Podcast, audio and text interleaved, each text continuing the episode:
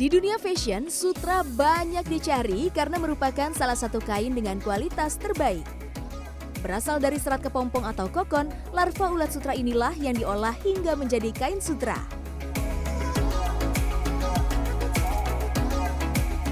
Aduh, paling nggak bisa nih saya kalau memegang kain seindah ini.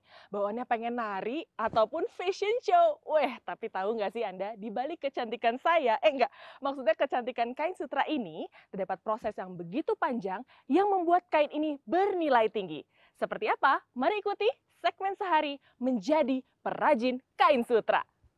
Wuhuu. Terdapat empat jenis ulat sutra di dunia yang dapat diolah menjadi kain. Namun, dari keempat jenis tersebut, ulat sutra murbei atau bombix morilla yang paling mudah dan sering digunakan untuk bahan tekstil, termasuk kain sutra yang akan saya coba buat kali ini. Kain sutra tentunya identik dengan ulat sutra, tapi semuanya bermula dari sini yaitu kebun murbei. Tanaman inilah yang menjadi makanan pokok dari ulat sutra. Di lahan seluas 2 hektar ini tertanam empat jenis pohon murbei, mulai dari lembang, multikaulis, kanva, dan katayana, yang berbeda bentuk daunnya. Tanaman murbei ini bukan hanya bisa dimanfaatkan sebagai makanan pokok dari ulat sutra, tapi kita pun juga bisa mengkonsumsinya. Seperti ini jadi tanaman murbei itu ada buahnya. Nah ini tuh bisa dimakan tapi rada asemnya. Bener. Asem. Nah, yang manis itu yang warnanya lebih gelap atau lebih marun gitu nih ya. Katanya sih manis, kita buktikan ya. Hmm, bener. Enak, enak, enak. Setelah mengumpulkan daun murbei pilihan, saatnya memberi makan ulat-ulat sutra. Halo bang. Mbak, Ya. Mbak ke sini nggak pakai parfum? Enggak, nggak pakai parfum. Nggak ngerokok gitu.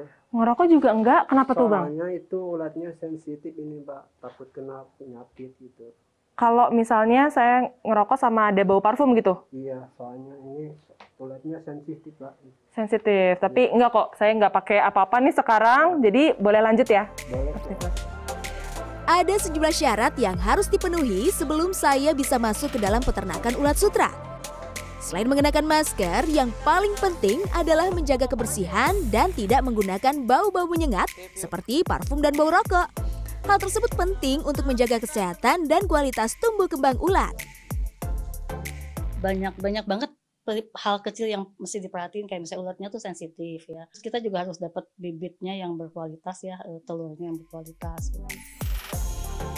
Dari 25.000 telur ulat sutra, 90-95 persennya dapat menetas. Ulat sutra yang sudah menetas kemudian diberikan makan daun murbei secara rutin, yakni empat kali sehari.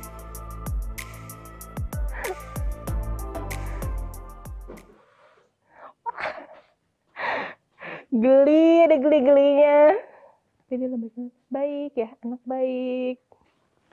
Hmm, tuh, say hi. Hai. Selama berada di peternakan ulat sutra, para peternak maupun pengunjung dilarang berisik ya. Hal tersebut bisa mempengaruhi tingkat stres ulat selama tumbuh dan bermetamorfosa. Perhatikan ya, kalau ulat sudah tidak mau makan dan mulai keluar serat dari mulutnya, tandanya ulat siap berubah menjadi kepompong.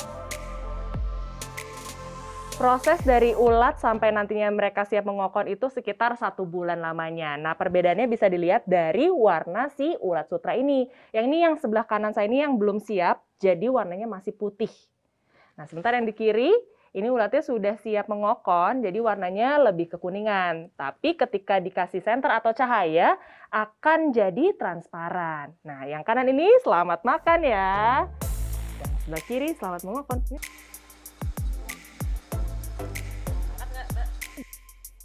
Proses metamorfosa ulat menjadi kokon atau kepompong memerlukan waktu selama 2-3 hari hingga siap dipanen pada hari keempat. Jangan terlalu lama memanen ya, nanti kepompongnya malah berubah menjadi kupu-kupu.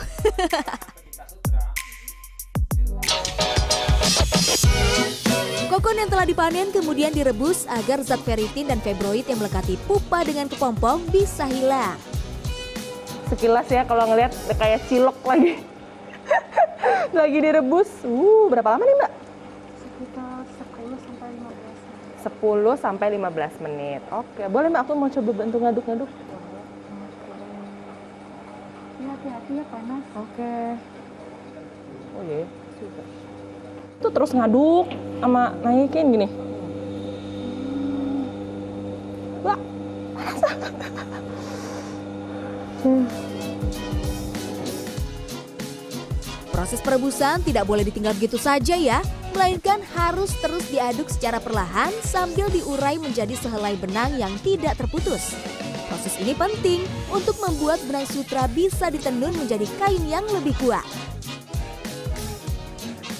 Proses selanjutnya setelah direbus dan didinginkan, kokon-kokon ini masuk ke tahapan yang bernama pemintalan. Jadi di sini yang menarik adalah kokon-kokonnya nih masukin langsung ke dalam wadah ini. Nah, ketika kokonnya ini masih ada seratnya, dia akan sistemnya seperti magnet, langsung ketarik ke atas untuk dipintal. Satu buah kepompong ulat sutra bila dipintal menjadi benang akan menghasilkan 800 hingga 1200 meter benang sutra. Namun ternyata hasil dari kokon sutra bukan hanya benang loh, pupa sutra pun bisa dimanfaatkan. Nah, ini dia pupanya. Ting ting. Tuh. Kelihatan nggak?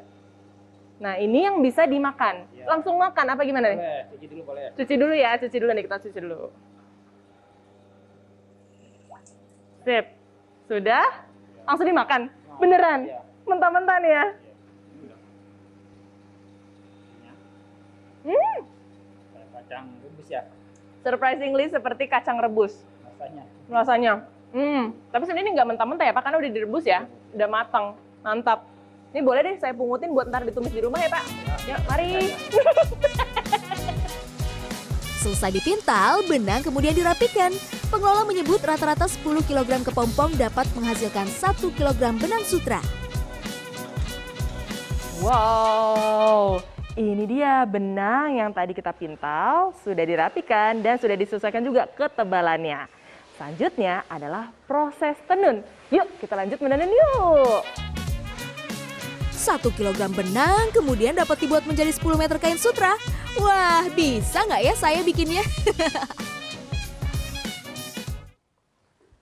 Kita bantu ya, Pak bantu ya. Jangan bantu doa doang Pak, tapi ini kakinya gini, Ya, yang kanan. yang kanan, yang kiri, Ah, biarin aja. oh biarin aja. Mengubah benang menjadi kain bukan perkara mudah, tapi super susah. Benar-benar harus sabar dalam mengoperasikan alat tenun bukan mesin ini. Setiap benangnya harus dibentang, diurai, dan disetel satu persatu, kemudian dijaga agar jangan sampai kusut atau putus. Waduh, nyangkut lagi kan? Serius deh, dari seluruh tahapan yang ada paling susah nih tahapan ini. Hah, apa pembuatan benang namanya ini mas? Penenunan ya? Penenunan benang, bener-bener frustasi banget. Ini sebenarnya yang dibutuhkan apa sih mas? Ini cuman harus ke telatenan doang. Ketelatenan. Hasil tenun kain sutra juga tak melulu polos, melainkan ada pula yang bermotif sesuai pesanan. Proses penununan harus diperhatikan secara seksama agar kualitas kain terjaga. Bila kain terlihat keriting ataupun berlubang, artinya ada benang yang terputus sehingga perlu disambung dan diperbaiki. Jeng jeng, ini dia kain sutra yang sudah saya tenun tadi. Lumayan bagus lah ya untuk seorang pemula seperti saya. Nah selanjutnya kain-kain sutra ini didistribusikan kepada sejumlah pengrajin batik dan juga ekoprint. Setelah dilakukan proses lebih lanjut, Tara, ini dia hasilnya. Kain sutra yang bernilai jauh lebih tinggi. Kain sutra yang saya tenun merupakan kain sutra alami dan murni tanpa campuran benang non sutra. Sehingga harga per meternya pun tinggi, yakni mulai dari harga Rp200.000 tergantung motif dan ketebalan kain. Kain yang terbuat dari alat tenun bukan mesin akan terasa lebih kasar dan tebal. Namun dengan teknik pewarnaan yang alami, kain sutra akan terasa lembut. Ini 2 meter 25 harganya 2 jutaan. Satu lembar ini. Satu sutranya memang eh, kualitasnya bagus. Kedua eh, proses ekoprintnya itu. Nah, kenapa ekoprint itu bisa dibilang lebih mahal daripada kain yang biasa? Karena dia dicetak menggunakan daun eh, asli daun. Kain sutra polos kemudian diolah menjadi ragam bentuk, corak, dan warna, baik yang berupa sarung, selendang, ataupun produk siap pakai seperti blus dan kebaya. Kain sutra dikenal sebagai kain yang awet, tahan lama, dan tidak mudah rusak. Proses pembuatan kain sutra yang rumit dan manual ditunjang dengan kualitas yang tidak main-main inilah yang membuat sehelai kain sutra terbilang mahal. Clarissa Aradia, Maria Oktober, Kabupaten Bogor, Jawa Barat.